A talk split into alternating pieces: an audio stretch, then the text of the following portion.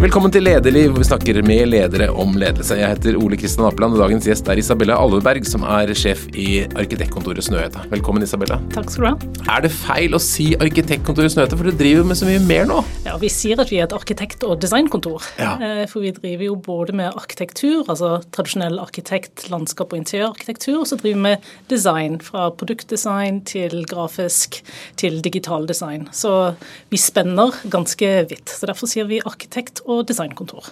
Og det er blitt et ganske stort og ganske internasjonalt selskap. Det er det. Eh, Vi ble jo grunnlagt i 1989, eh, da vi vant eh, prosjektet Biblioteket i Alexandria i Egypt. Siden den gang så har vi vokst til over 350 medarbeidere med syv studioer rundt omkring i verden. Fra USA til Europa til Kina til Australia. Og det er mange nasjonaliteter som jobber hos dere. Det er det. Eh, Bare på det vi kaller for eh, hjemmekontoret i Oslo, så er vi cirka, Ja, vi må være over 30 nasjonaliteter. Så vi ønsker jo å speile de, eh, de samfunnene vi skal jobbe i og jobbe for. Eh, Så vi, vi oppfordrer til mye mangfold. Og vi er jo såpass heldige å ha et så sterkt merkevare at vi klarer å tiltrekke oss de skarpeste hodene fra rundt omkring i verden. Og du sier hjemmekontor. Altså, jeg har vært på kontoret deres i, som ligger på havna i Oslo. På en, Vippetangen, ja. ja. Fantastisk eh, gammel. Skur. lagerbygning er det. Ja, ja. Eh, og det, det, der har dere klart å Dere har sikkert stappa dere veldig tett da, for å holde oss opp på mange mennesker inne. Ja, vi er vel ca. 100, drøye 100 eh, på skuret, som vi kaller det, nede på Vippetangen. Eh, rundt omkring i studiene i verden så er vi alt fra en 30 til 40 stykker. Eh, og så har vi da et annet stort kontor i New York som også er ca. 100 stykker. Fantastisk. Og hva er det som Alle kjenner jo operaen og sånn, selvfølgelig, men, men hva er det som er det store? Hva er dere mest stolt av akkurat nå? Eh, ja, vi, jo, vi forteller jo alltid historiene om, eh, om biblioteket i Alexandria. For det setter, det er liksom hele grunnlaget for både selskapets oppstart, men også liksom vår filosofisk tilnærming til hva vi driver med. Ta Oppsummer den historien kort for de som ikke husker den. Ja, så I eh, 1989 så skulle utlyste Unesco eh, en konkurranse for å designe nytt verdensbibliotek i, eh, i, i Alexandria i Egypt. Eh, Snøhetta eksisterte strengt tatt ikke på det tidspunktet. Eh, det var et lite oppstartskontor, to arkitekter, noen landskapsarkitekter. Eh, og de sendte inn et bidrag til den konkurransen. Jeg tror det var over, ja, over 1000 søknader, anonymt, og vi vant. Og jeg liker å si at vi vant, selv om Ja, jeg ja. ikke var med i selskapet for Absolutt, 30 år siden, men, men føler store eierskap. Eh, Så det var eh, opptakten, og der la de liksom grunnlaget for eh, filosofien. At det ikke var bare kun arkitektur, men det var liksom også det landskapet man befant seg i. altså så Landskapsarkitektur var også veldig viktig. Um, Selskapet ble egentlig tuftet på Brundtland-kommisjonens rapport fra 1987 som het Vår felles fremtid, som la liksom bærekraftstrategien som vi jobber med den dag i dag, som går på sosial miljø og finansiell bærekraft, eller ESG som man kaller det i dag. Eh, Og Det har egentlig gjennomsyret selskapet de siste 30 årene. altså Hvordan vi jobber med prosjekter som har en sosial profil. altså Det skal være tuftet på menneskelige verdier, eh, slik at byggene um, får et eh, kollektivt eierskap blant, eh, i det samfunnet hvor vi bygger de. Eh, Men også at det har en miljøprofil. At vi tenker både på biologisk mangfold, at vi tenker på at vi skal redusere klimagassutslipp, og at vi skal prøve å begrense skaden som vi har gjort i dag for, vårt mot klima. Og bare for ikke å slippe biblioteket, for det har jeg lest en del om. Står det der fortsatt? det står der bra? fortsatt. Det fungerer utmerket. Eh, Det er jo eh, flere og flere som eh, leser bøker i eh, Egypt. Eh, Vi har jo sett på antall eh, bibliotekskort som ble utstedet. Det er flere kvinner. Dette var jo det første biblioteket i, i dette området hvor kvinner slapp til også. Eh, Og den står i dag. eh, Og til og med under den arabiske våren så var eh, innbyggerne i Egypt de slo ring rundt biblioteket, for de følte så eierskap til dette biblioteket, slik at den ble vernet mot alle opptøyene som skjedde. Så- Og det er en fantastisk historie da, det et lite kontor som nesten ikke er kontor engang, får en sånn kjempeoppdrag. Og, Ja. og det å klare en vekst og faktisk bygge en business ut av det, er jo imponerende. Ja, og, eh, og det er jo de to gründerne som startet, de er jo fortsatt med. Eh, De har fortsatt veldig hånden på rattet. Eh, Den ene gründeren har jo flyttet til USA og startet kontoret kontor i New York. Mens Kjetil Thorsen driver jo da håper jeg, dette kontoret i Oslo, samt alle de, som, de mer globale kontorene våre. Og det som er veldig fint, er at den den visjonen de hadde den gangen, står like sterkt i dag. Um, og eh, det er veldig spennende å jobbe med en gründer som ikke bare kan arkitektur, men som er så involvert i alle deler av businessen. Og man kan tenke seg at det kan være litt vanskelig å komme inn som en, en, en CEO og så prøve å jobbe med en, en gründer som har så mange meninger. Men vi har faktisk funnet en veldig god fordeling på, på hvordan vi jobber, hva som er liksom hans områder som han ønsker å ha full kontroll på, og hva som er mine områder, hva jeg, hva jeg behøver å ha full kontroll på. Så. Men dette biblioteket, det, blir det en slags mekka? Må man ta en sånn pilegrimsreise dit for å være en del av gjengen? Har du vært der? Ja, nei, jeg har ikke vært der ennå. Det står på min bucketlist. Jeg er veldig, personlig er veldig glad i biblioteker. Eh, men jeg tror vi har mange andre steder som også er veldig viktige for oss. Så etter biblioteket i Alexandria så kom jo oppdraget for eh, Operaen i Oslo. Eh, raskt etterfulgt av både Times Square og 9-11 Memorial i New York. Eh, og siden det så har det egentlig vokst til å være veldig mange fine det vi kaller for skjellsettende prosjekter. Så noen av de siste prosjektene vi har gjort, er f.eks. hovedkvarteret for eh, Le Monde i Paris. Eh, vi jobber med et stort opera i Shanghai, relativt stor bibliotek i Beijing.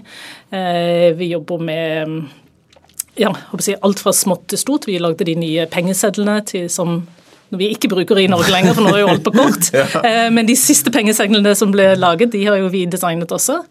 Eh, så liksom litt alt fra stort til smått, men eh, vi er liksom veldig opptatt av at vi kan bygge i skala. Og at det er noe altså av Snøheters filosofi som kan puttes inn i prosjektet også. Så vi forsøker å velge prosjekter med, med omhu også. Mm. Og så er det det når, sånn, når man blir et så suksessfullt selskap som dere er, så kommer det veldig mange ideer. Kan vi gjøre det, og kan vi gjøre det? Og så har dere gjort noen ting, gått til, til design og sånn. Men, men, hvordan setter dere grensen for hva dere har lyst til? altså Hvor dere vil være geografisk, og hvor vil dere være av fagområder? og liksom hva, det, det, kan være vanskelig å begrense seg? Eh, både ja og nei. Altså, vi, vi ønsker å jobbe primært innenfor kunst, kultur og akademia. Eh, og eh, så ønsker vi også et, eh, at prosjektene skal både ha en sosial og en miljøprofil. Så det, det er liksom utgangspunktet slike prosjekter vi ønsker. Og så er vi liksom i den jeg håper å si heldige sitsen, men vi har jo jobbet beinhardt med å utvikle merkevaren vår, sånn at det er det det står for. Slik at når oppdragsgivere kommer til oss, eller kunder kommer direkte til oss, så vet de eh, hva vi står for, og, og hva slags type prosjekter de kan få av oss. Mm. Betyr det at de sier nei til mye? Det betyr at vi sier nei til en del. Eh, nå er jo arkitektbransjen veldig preget av konkurranser. Eh, så det er ikke det at kunder kommer til oss og vi sier nei takk. Det er mer hvilken konkurranser skal vi delta i som mm. vi ønsker å ha et prosjekt da ute i etterkant. Ja, For dette med konkurranser, det, det, kan være enormt ressurskrevende? Dere bruker masse, masse tid? Ja, det er noe fundamentalt feil med, med hvordan denne bransjen er rigget. Hvor mye kan en konkurranse kreve? Eh, nei, men Det kan kreve hundretusenvis av timer, eh, alt ettersom hva man ønsker å, å, oppnå. Eh, noen går jo all in og bruker flere millioner på en konkurranse, som er binært. Enten så vinner man eller så vinner man ikke. Det er liksom ikke noe trøstepremie. Du kan ikke bygge et mindre bygg fordi om du vinner andre- eller tredjeplass. så vinner du, eller så vinner du ikke. Så det gjelder jo å velge de konkurransene med omhu, og så gjelder det å, å se ok, er det en prispremie ut av dette? Vi kan jobbe opp til det. Hvor mye ekstra vil vi investere også? Mm. Men jeg kjenner, jeg kjenner ikke til andre bransjer hvor man skal eh, gi så mye for å, å vinne et oppdrag. Det, ja, det, er det, det, er ganske ekstremt. Men dere pleier å få ofte litt betalt for å være med? Eh, det kommer an på hvor i verden vi mm. er. Mm. I Europa så er det veldig regulert. I, så, så det er liksom det er en liten del av kostnaden vår som blir dekket. Eh, I Asia så får vi en, en, større, eh, en større, pris som gjerne dekker kostnadene våre. Mm. Hva gjør det med kontoret? Jeg skjønner at det er stas når man vinner, men, men, å tape etter å ha liksom lagt ned hundretusenvis av timer? Eh, ja, hva det gjør med kreative sjeler. Altså, man har jo lagt mye av eh, sin kreativitet i et prosjekt som da noen velger Nei, det var ikke godt nok. Eh, men det gjelder jo å ha tro på ideen sin. Og så er det jo, som jeg sa, det er binært om de liker det eller ikke. Og så er det en subjektiv vurdering av juryen også. Så man må jo selge inn prosjekter. Man må se på hvem er målgruppen, hvem er juryen, hvem er det som skal bestemme dette. Er det arkitekter, er det andre fagpersoner, er det økonomer? Hva er det som er viktig? Det er ikke nødvendigvis den beste designen som vinner, men det kan være den beste totale pakken. Mm. Alt som har med budsjett eh, til materialer, til miljøprofil, til design. Så det er liksom en større pakke. Eh, så det gjelder jo å gjøre en eh, review etter man har tapt. Man får tilbakemelding fra, fra juryen, går gjennom, ser om man er enig eller ikke enig, og, og, litt sånn objektivt sett se hva kan man trekke av eh, lærdommer ut av dette. Er det noen store ting de konkurrerer om akkurat nå? ja, jeg tipper, altså jeg tipper vi har ca. 300 prosjekter på tegnebordet per i dag. Og så har vi nok en 50 konkurranser pågående. Så det er, ehm, det er, stor aktivitet hos oss. Er det, er det eskalerende, dette at, det være, at, alt skal konkurreres om at det skal, må legges ned så mye arbeid? Er det verre enn det var da byrået starta for 30 eh, år siden? Nei, jeg tror vi er i den heldigere sitsen nå, eh, gjennom jobbing både med utviklere og med å utvikle merkevaren vår. At vi får eh, noe flere direktehenvendelser. Mm. Men det er fortsatt en veldig stor andel eh, konkurranser. Og det er klart når det er offentlige prosjekter, så må alt ut på anbud, og alt må ut på konkurranse. Mm. La oss, eh, la Snøhetta ligge litt og snakke litt om din, din reise. for Da, da Snøhetta startet da som så vidt jeg husker, så var det over Dovrehallen. Var det derfor det var bak, at, at navnet Snøhetta ble valgt? Ja. ja riktig. kontoret. Da var ikke du der. Da jobbet du et, eh, med regnskap i et filmselskap, etter jeg kan ha lest av CV-en din. Ja, ja. Og Hvordan har du flyttet deg derfra og kommet til den posisjonen du er nå? Eh, nei, jeg jobbet jo, eller tok en utdanning innenfor eh, økonomi. Jeg visste ikke helt hva jeg skulle bli. Jeg tenkte økonomi var eh, en god eh, sånn allmennyttig utdannelse. Eh, min store lidenskap den gang var film, så jeg fikk jobb i et filmselskap. Jeg Jobbet litt med markedsføring, og så gikk over til regnskap. Eh, og eh, ja, tilfeldighetene vil ha det sånn at det var en lokal filmproduksjon som trengte en regnskapsfører, og de skulle ut på turné. Så jeg var med dette filmselskapet ut og reiste et års tid. Okay. Ja, Så det var veldig gøy. Så det var liksom min start. Og så ble jeg der i fem-seks år. Jeg synes det var utrolig spennende å se flere filmer hver dag, være med å markedsføre de, eh, jobbe med Oslo kinematograf og Ingeborg Marias Hansen og de andre kinosjefer. Veldig spennende. Eh, etter fem-seks år så ble det en jobb, det også. Eh, og da ønsket jeg meg noe annet. Eh, og gikk da over til IT. Og var med det var relativt sped begynnelsen av Microsoft i, i Norge, så jeg var vel ansatt nummer 30 der.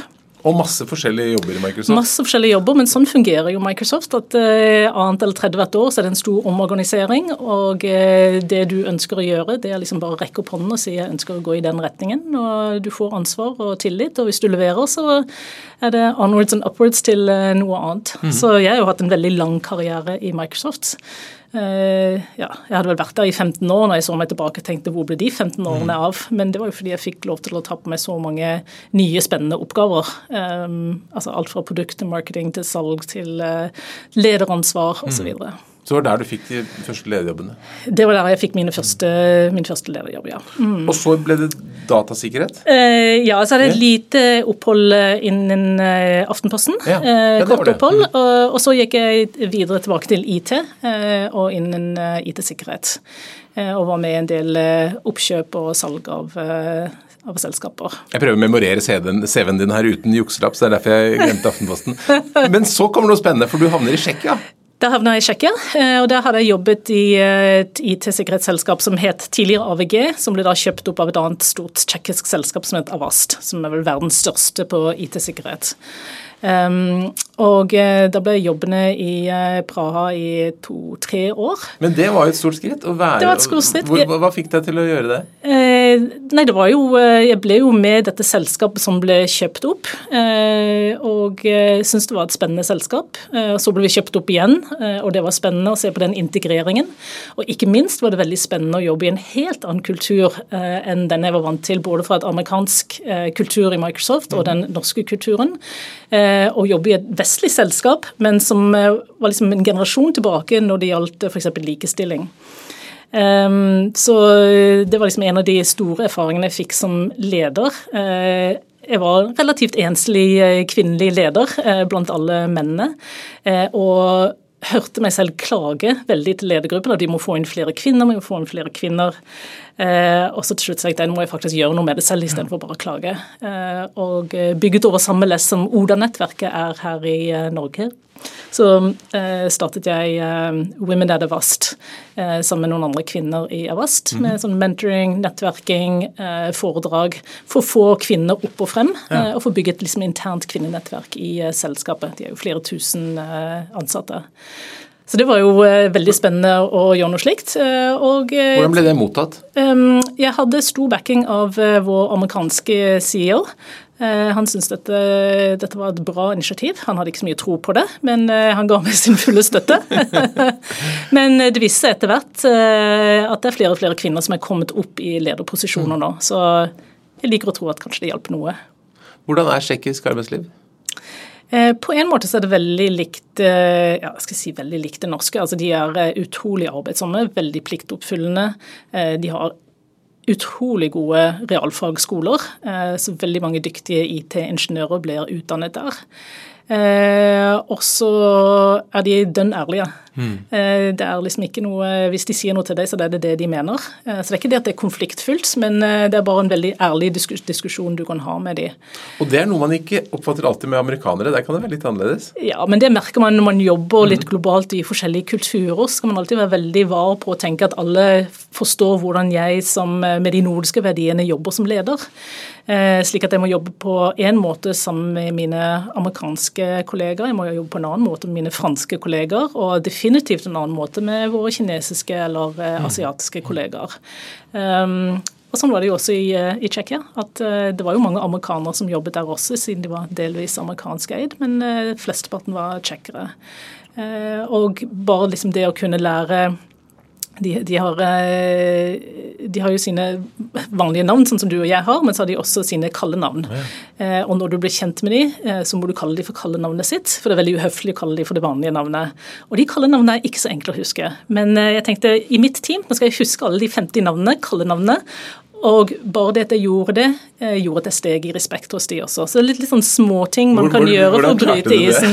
Nei, det var jo å skrive det ned. Ja, ja, ja. For det var ikke akkurat noe sånn naturlig um, Det er liksom enten en A-endelse hvis det er en kvinne, eller en I-endelse mm. hvis det er en mann, eller osv. videre. Um, men uh, det kan også være litt er det, Så det er på en måte en, et tegn på at man er tett, at man bruker kjælenavn på hverandre eller kallenavn? Ellers blir man veldig distansert og formell. Mm. Uh, det virker som man ikke bryr seg da. I hvert fall når man har truffet de et par ganger, så er det veldig uh, Så må man bruke kallenavnet. Men er det kallenavn som da holdt på å si, skrives, eller bare sies? Det skrives også. Ja, ok. Ja. Så du må, du må, vite det, du må følge med på dette? Ja. Som regel, når jeg skrev, så sa jeg som regel bare hei. Ja.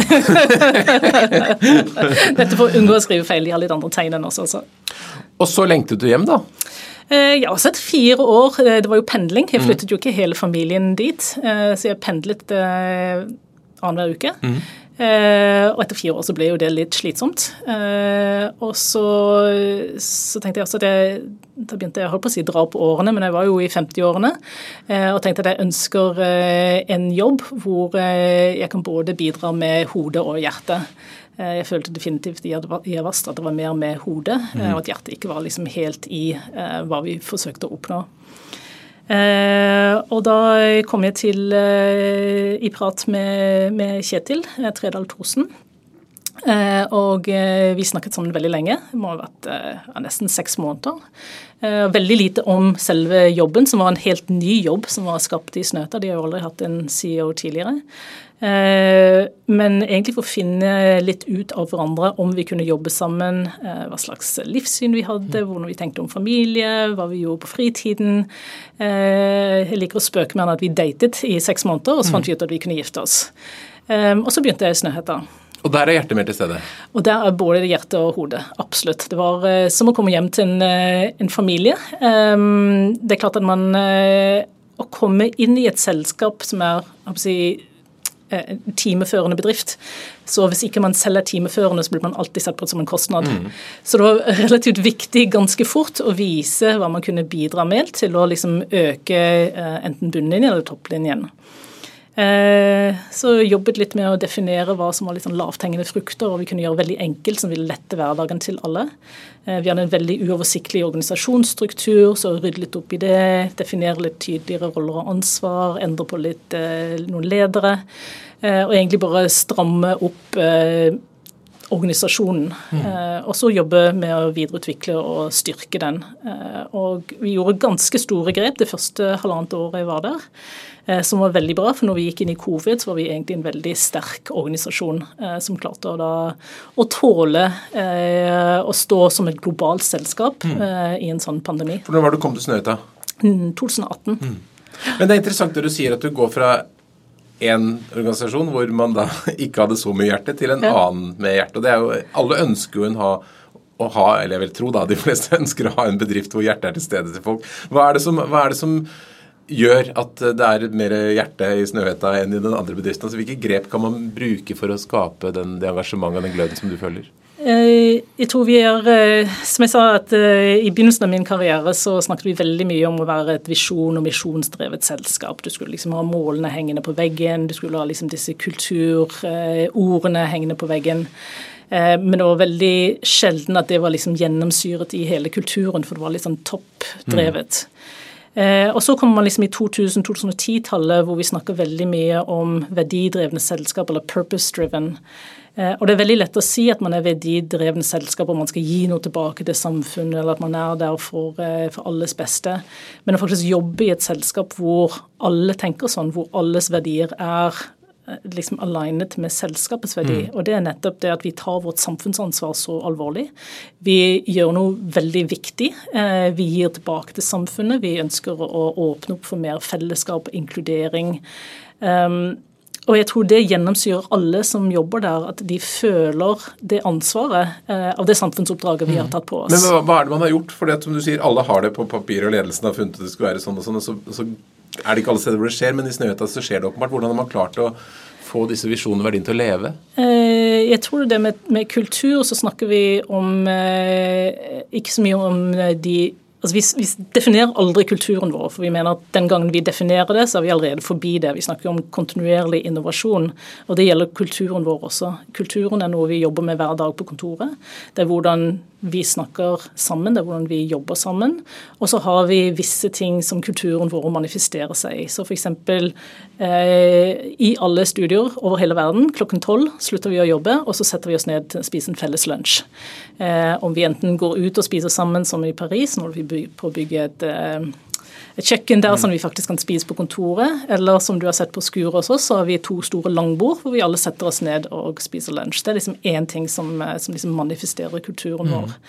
Eh, det andre er liksom workshops-ideologien vår. Eh, eller så kan det være at vi jobber både analogt og digitalt. At liksom digitalt ikke skal overta hverdagene våre at vi jobber multidisiplinært. Eh, så, så, det er mange ting som manifesterer, som tvinger oss nesten til å jobbe eh, med de verdiene som, som vi snakker om hver mm. dag. Altså, vi må gi og ta. Det er de nordiske verdiene om å være åpen og være lyttende.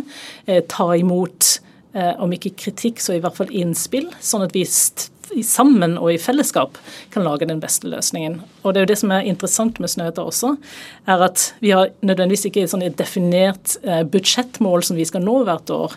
Vi ønsker å tiltrekke oss de beste prosjektene, vi ønsker å tiltrekke oss de beste kundene.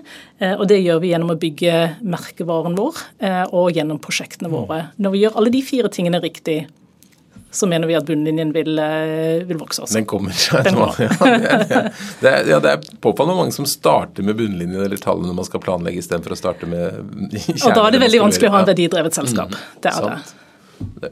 Annen, ja. Økonomi, økonomiske verdier og andre verdier er ikke nødvendigvis det samme. Nei. Men du, du, kom jo da inn der som leder, hadde jo vært et leder en del år før. Hadde du noen tanker om hvordan, hvordan ville du at folk skulle oppfatte deg som, som den nye sjefen? Eh jeg tenkte at det var eh, ikke så viktig hvordan de oppfattet meg, men at de så at jeg kunne bidra til å, å ta Snøta videre. Uh, igjen, når man kommer inn timeførende bedrift, så er det viktig at man enten bidrar med å, å tjene penger, uh, eller at man bidrar til å øke bunnlinjen eller til å gjøre selskapet mer solid. Eh, så jeg tenker Den oppfattelsen er litt sånn, at man kommer inn og krever respekt. altså En tittel gir jo deg ikke noe respekt, du må faktisk vise at du fortjener den respekten. Mm. Og jeg tror liksom bare bygge sten på sten, eh, og bli kjent med menneskene, og forstå hvordan bedriften fungerte, og forstå hvor liksom disse pain points er, løse noen av de flokene. Ta noen av de upopulære valgene som ingen hadde turt å ta tidligere, eh, og faktisk skape en endring. Det tror jeg gjorde at at jeg, jeg, håper at jeg har respekten i dag. Mm. Men er det en utfordring at du ikke har den fagkunnskapen som da medarbeidere har? Vi har hatt mange diskusjoner om det. Eh, men jeg sier at eh, vi har jo mange fag i Snøta. Vi har altså arkitekt, designere, eh, vi har BIM, vi har ingeniører, vi har regnskap, og så har vi ledelse. Mm.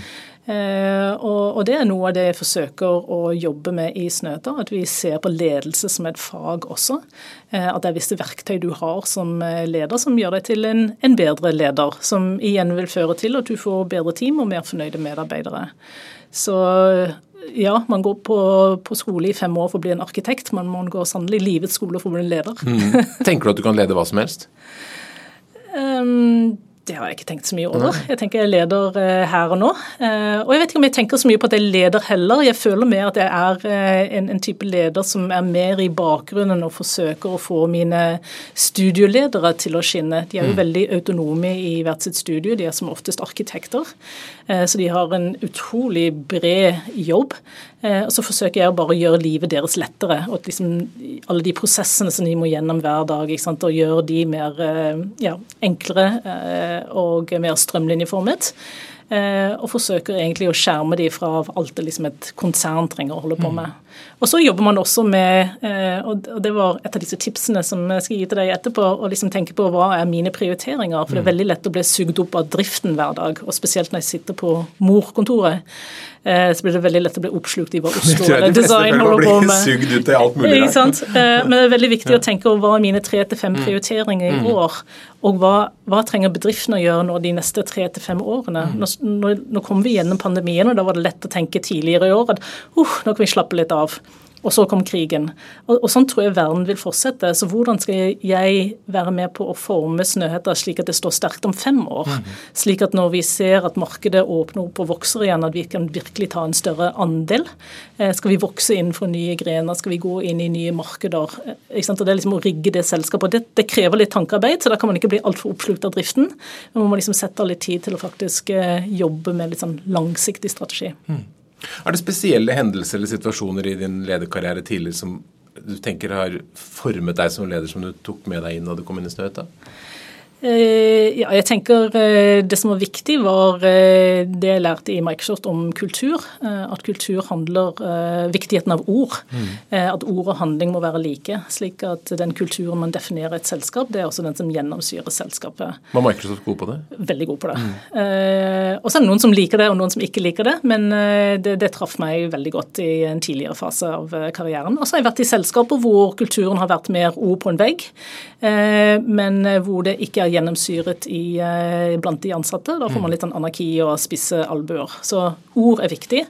Eh, og alle handlinger er viktig, og spesielt fra ledelsen mm. Eh, er det viktig at man vet hvilken kultur man står for, og man prøver å etterleve det hver eneste dag. Ser du det mange steder, at ord og handling ikke henger sammen? Ja, jeg skal ikke kaste noen sten. Jeg bare ser at hver dag så jobber jeg med det. Mm. Og passer på at de ordene jeg bruker og de handlingene jeg gjør, at de er omforent med vår kultur. Mm. Det som jo er en utfordring for mange virksomheter, sånn som, som dere, da, er at man, du, man har den der kreative gløden i hver sånn gründer og liten og kul bedrift, og så blir man stor. Så det å klare å ta vare på den samme entusiasmen og gløden og kreativiteten, altså, hvilke grep gjør det for å, for å holde på det? Vi er eh, Vi har heldigvis med oss veldig mange av eh, de som ikke var med i staten for 30 år siden, men som har jobbet med oss eh, godt over 20 år. Så vi har en veldig stor stab av veldig erfarne arkitekter som har vært med på veldig mange forskjellige prosjekter. Eh, og så har vi veldig mange unge som søker seg til oss, som har kanskje fem, seks, syv år i karrieren sin, som ønsker å få den eh, opplevelsen av å jobbe i Snøhetta før de da går ut enten og starter sitt eget eh, eller går videre til andre kontorer, men som da bidrar med masse glød og energi. Eh, og så har vi mange interns. Mm. Eh, betalte interns som vi tar inn for et år av gangen som en del av utdannelsen deres, men som kommer inn helt proppfull av energi og selvtillit og virkelig liksom bidrar til masse skaperkraft. Mm. Tror liksom den symbiosen mellom de litt erfarne og eldre som vet hva de holder på med, som kanskje ja, men det har vi prøvd en gang før, til de veldig unge interns som er sånn det har vi aldri prøvd før, det må jo gå an. Eh, jeg tror liksom det at vi lytter til hverandre, og det at vi utveksler erfaringer, og det at vi jobber med kontinuerlig innovasjon, det tror jeg det skaper noe veldig spennende, og at den gløden og dynamikken er der til enhver tid. Mm. Og så jobber vi på veldig mange forskjellige prosjekter. Eh, og utrolig spennende å kunne jobbe på et eh, bibliotek i Beijing, og så eh, kanskje jobbe med en liten restaurantinnredning, eller å jobbe med å utvikle bestikk for en restaurant, eller jobbe med en webside til til et oppstartsselskap. Så, mm. så, det er en stor bredde. Så det er ikke slik at en arkitekt blir sittende og tegne dørskjermer hver dag i ti år. Der, der du får liksom lov til å være med på eh, ganske stort spekter av mm. veldig veldig spennende, skjellsettende prosjekter. Og så har de da sine ulike kreative prosjekter, og så sitter du med dine planer for framtiden og kanskje noen tall og budsjetter og sånne ting. I hvilken grad involverer du uh, de kreative eller altså, organisasjonene i, i dine greier, eller lar du dem holde på i i fred, og så driver du med ditt? Eh, jeg lar eh, som ofte studiene holde på med sitt, ja. og så er jeg veldig tett kontakt med daglige ledere. Mm. Og før pandemien så var det selvfølgelig veldig mye reising, og nå har vi veldig mye Teams-møter, så jeg gleder meg til å få en litt mer sånn hybrid hverdag hvor jeg kan både reise og ha Teams-møter. Um, men, men, det å jobbe tett sammen med de lederne som leder da små studier av 20 stykker, så får man mm. veldig godt innblikk i hva de gjør. Eh, og så tenker jeg at Min jobb er like mye å holde fingrene av fatet av det som faktisk fungerer, eh, og heller jobbe liksom med å fine-tune det som, eh, som, vi på konsernet er mer opptatt av. og Det er liksom å holde det, det vanlige. Få inntektene opp og kostnadene nede og levere en god bunnlinje. Mm. Men det må jo gjøres da på basis av de forskjellige prosjektene vi jobber med. Noen prosjekter jobber, tjener vi mer penger på, andre prosjekter gjør vi ikke. Av ulike årsaker. Mm. Er det, det, det, er to ting som vi veldig ofte kommer tilbake til i lederliv som påvirker alle virksomheter. Det ene er bærekraft, som vi har snakket om allerede, og det andre er IT. Hvordan forandrer teknologi eh, arkitektur og design? Eh, nå, jeg, nå, vet jeg ikke helt hvordan de jobbet for 30 år siden, men jeg har sett noen skisser, og det er noen veldig store papirblokker de driver og tegner på, rentegner. Eh, til å liksom gå mer over på, på AutoCAD og Revit og Rhino og osv. Eh, og så har jo vi det er liksom En av de um, designfilosofiene vi har, er at man ikke skal bare sitte på data og mm. tegne, men uh, at man faktisk skal diskutere et konsept først. Og så kan man begynne å skisse, og så kan man gå til PC-en og tegne det inn. Så går man på et verksted og modellerer det, så når man ser det liksom fra, fra 3D-perspektiv, så kan man gå tilbake til, uh, til, til, det digitale. Så liksom det digitale og analoge er veldig viktig for mm. oss.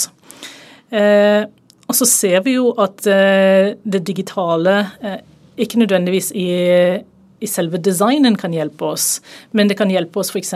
I, eh, i måling av klimagassutslipp mm. eller av biodiversitet.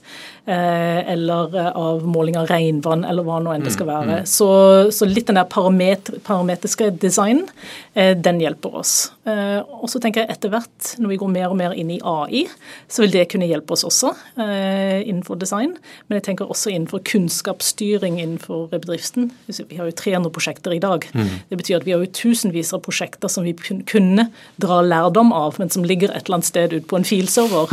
Så å kunne liksom få noe med AI til å liksom liksom kunne dra det sammen, slik at når du leter etter en type prosjekt eller en problemstilling du har vært borti før, så kan vi hente opp den informasjonen. Så Det er liksom det neste vi jobber med nå.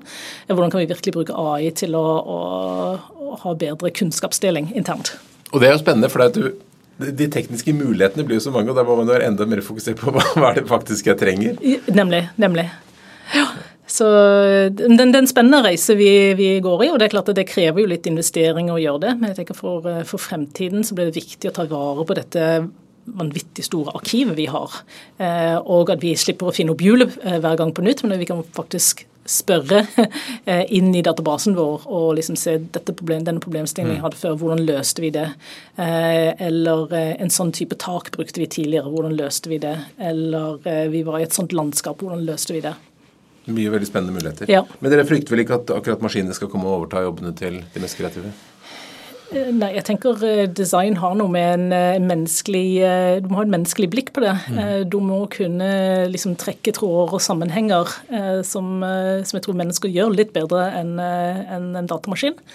Det er jo mange som driver med parametrisk design. at man man har jo tilgang til alt mulig av kart og liksom sånn vanlig beste vinkler osv., men det blir jo et veldig umenneskelig arkitektur av det. Mm.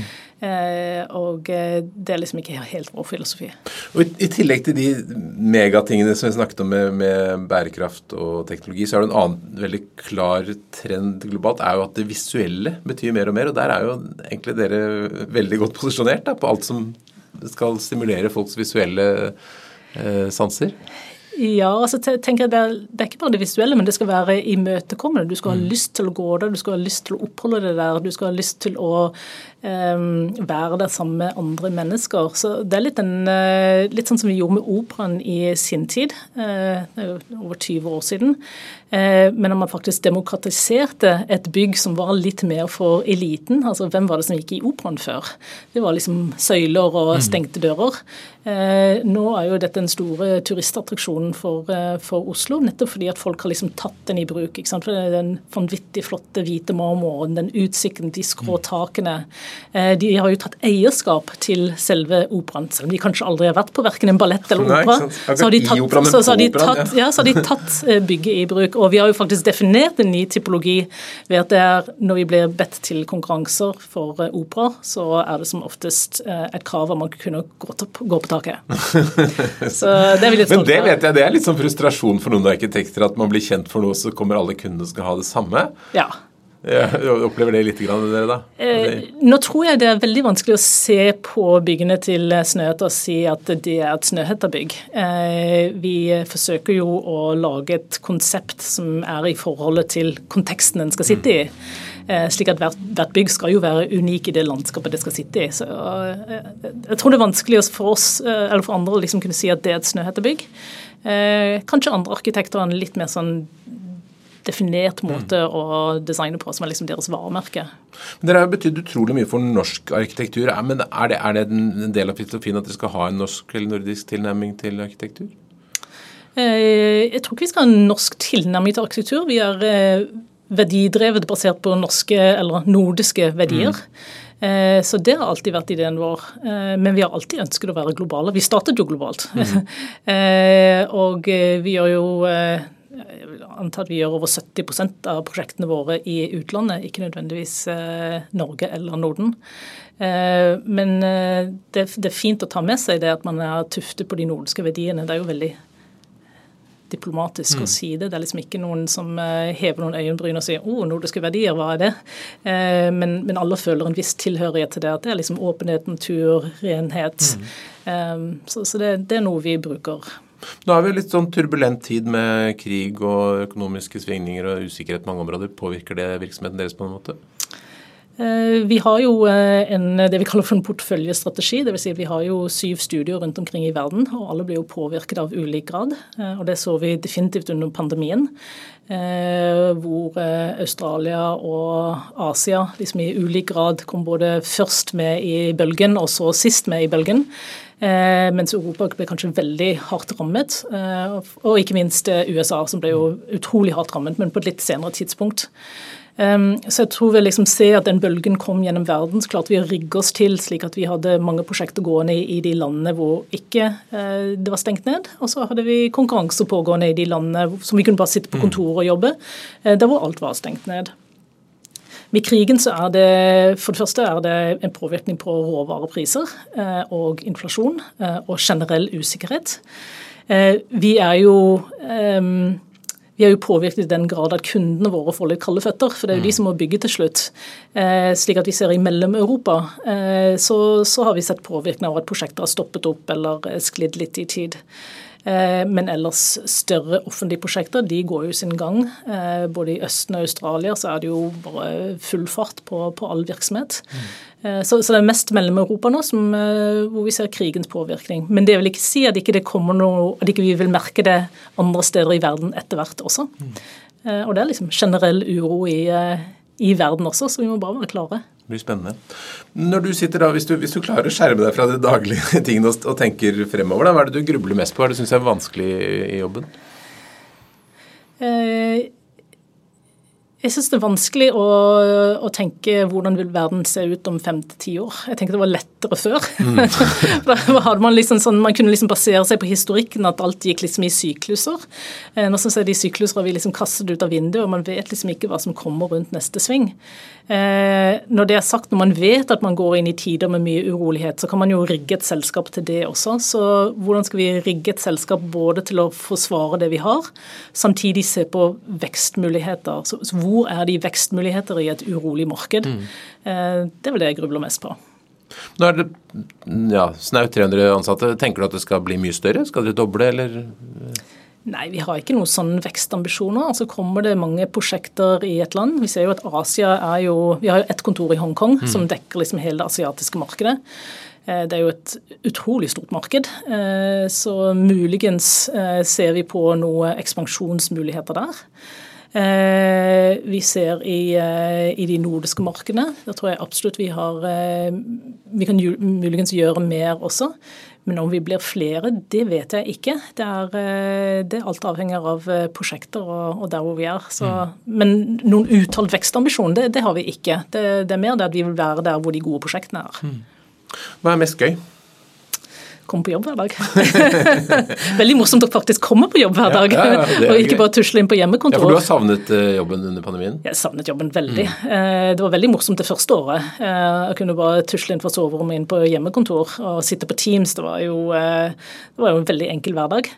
og så etter hvert så begynner man å savne kollegene. Man, man, savner å sitte der fysisk sammen. Man savner støyen på kontoret, man savner å spise lunsj sammen jeg som har reist mye i mitt liv, savnet faktisk å reise. ja. Så eh, nå har jeg reist veldig mye til, eh, til, Paris, hvor vi har et eh, kontor nå i år. Og forhåpentligvis til høsten så kan jeg begynne å reise til, til både Hongkong og til, til, Adelaide også, hvor vi har kontorer. Litt skeptisk til karantenehotell fortsatt, men en uke kan jeg Er det slik at det er nordmenn på alle kontorene deres? Det er Nei, det er det ikke. Det er det ikke. Eh, I Hongkong har vi veldig færreste. Vi har en eh, engelsk nordmann som, som leder kontoret. Mm. Men ellers er det andre nasjonaliteter. Men bør de ha jobbet et annet sted i Snøhetta først, eller kan man starte Nei, et helt nytt man kan starte, ja, ja, ja. Spennende. Ja. Fantastisk. Helt til slutt, hvis du kommer en ung person til deg og vil ha noen lederråd, hva er de tre, dine tre viktigste lederråd? Eh, det ble spurt eh, ganske ofte om, men jeg tenker eh, de tre rådene jeg skulle gjerne hatt når jeg var ja, ung leder. Det, det, ja, hva ville du gjerne hørt? Ja. Så hadde jeg likt å høre 'bygg deg en verktøykasse'. Ja. Så få masse erfaring. Og jobb i mange forskjellige bransjer. Jobb innenfor mange forskjellige felt. Være en leder, være en teamplayer. Liksom bare lær deg masse. Fordi at når du blir en leder, og vi lever i den turbulente verden vi lever i nå, så må du liksom kunne trekke sammenhenger fra ulike bransjer, ulike kulturer, internasjonalt, nasjonalt. Eh, fordi du må kunne se sammenhenger som andre ikke ser. Mm. Og det klarer du ikke hvis du bare har jobbet innenfor ett fagfelt og en bedrift hele livet ditt. Så bygg verktøykasse. Bygg verktøykasse. Mm. Eh, jeg tror det andre er um, ja, følg hjertet. Eh, det kan være veldig lett som ung leder å tenke at nå skal jeg stake ut en karriereplan, men livet blir liksom litt til mens man går. Eh, så velg de jobbene som føles riktig eh, der og da. Gjør det beste hver dag. Og så, ja, hvis man blir en leder, så blir man en leder, mm. men det er ikke nødvendigvis det som er toppen av karrieren å være leder. Det er mange andre spennende roller innenfor en bransje. Mm. Og så det siste er ha det gøy og ikke ta deg selv så høytidelig mange unge ledere er veldig seriøse. Det var jeg også. Nå er du mer avslappet? Nå er jeg mer avslappet, ja. Går an å le litt av seg selv òg. Det er deilig med å bli litt voksen. Det er det. Hvor er det du henter inspirasjon du sier med verktøy? Hvor, hvor, hvor, ser du når du skal tenke fremtiden og hvordan verden utvikler Er det noen, noen smarte steder å, å, å bli inspirert? Nei, jeg, jeg, leser mye. Jeg leser litt faglitteratur, eh, litt romaner. Jeg leser utallige aviser på nettet. Mm. Eh, snakker mye med mennesker. Eh, snakker mye med våre globale ledere. Eh, og prøver bare generelt å lære så mye om, om verden som jeg kan, uten å være forutinntatt om at sånn ser verden ut. Men liksom bare den nysgjerrigheten jeg tror er det som, det som virkelig skaper engasjement og er inspirerende for meg. Lær noe nytt. Prøv noe nytt. Det er En fin avslutning. Ja. Tusen takk for at du kom til Lesedriv, Isabella Overbegg. Takk skal du ha. Takk for at du hører på Lederliv, som er en podkast fra Apeland. Redaksjonen består av Ingrid Hogneland, Lars Bolden, Lars Jarle Melum og Ole Kristian Apeland, som er meg. Vi er takknemlige for alle gode tips om ledere eller andre kommentarer og innspill. Kan sendes til meg, ole.apeland.no.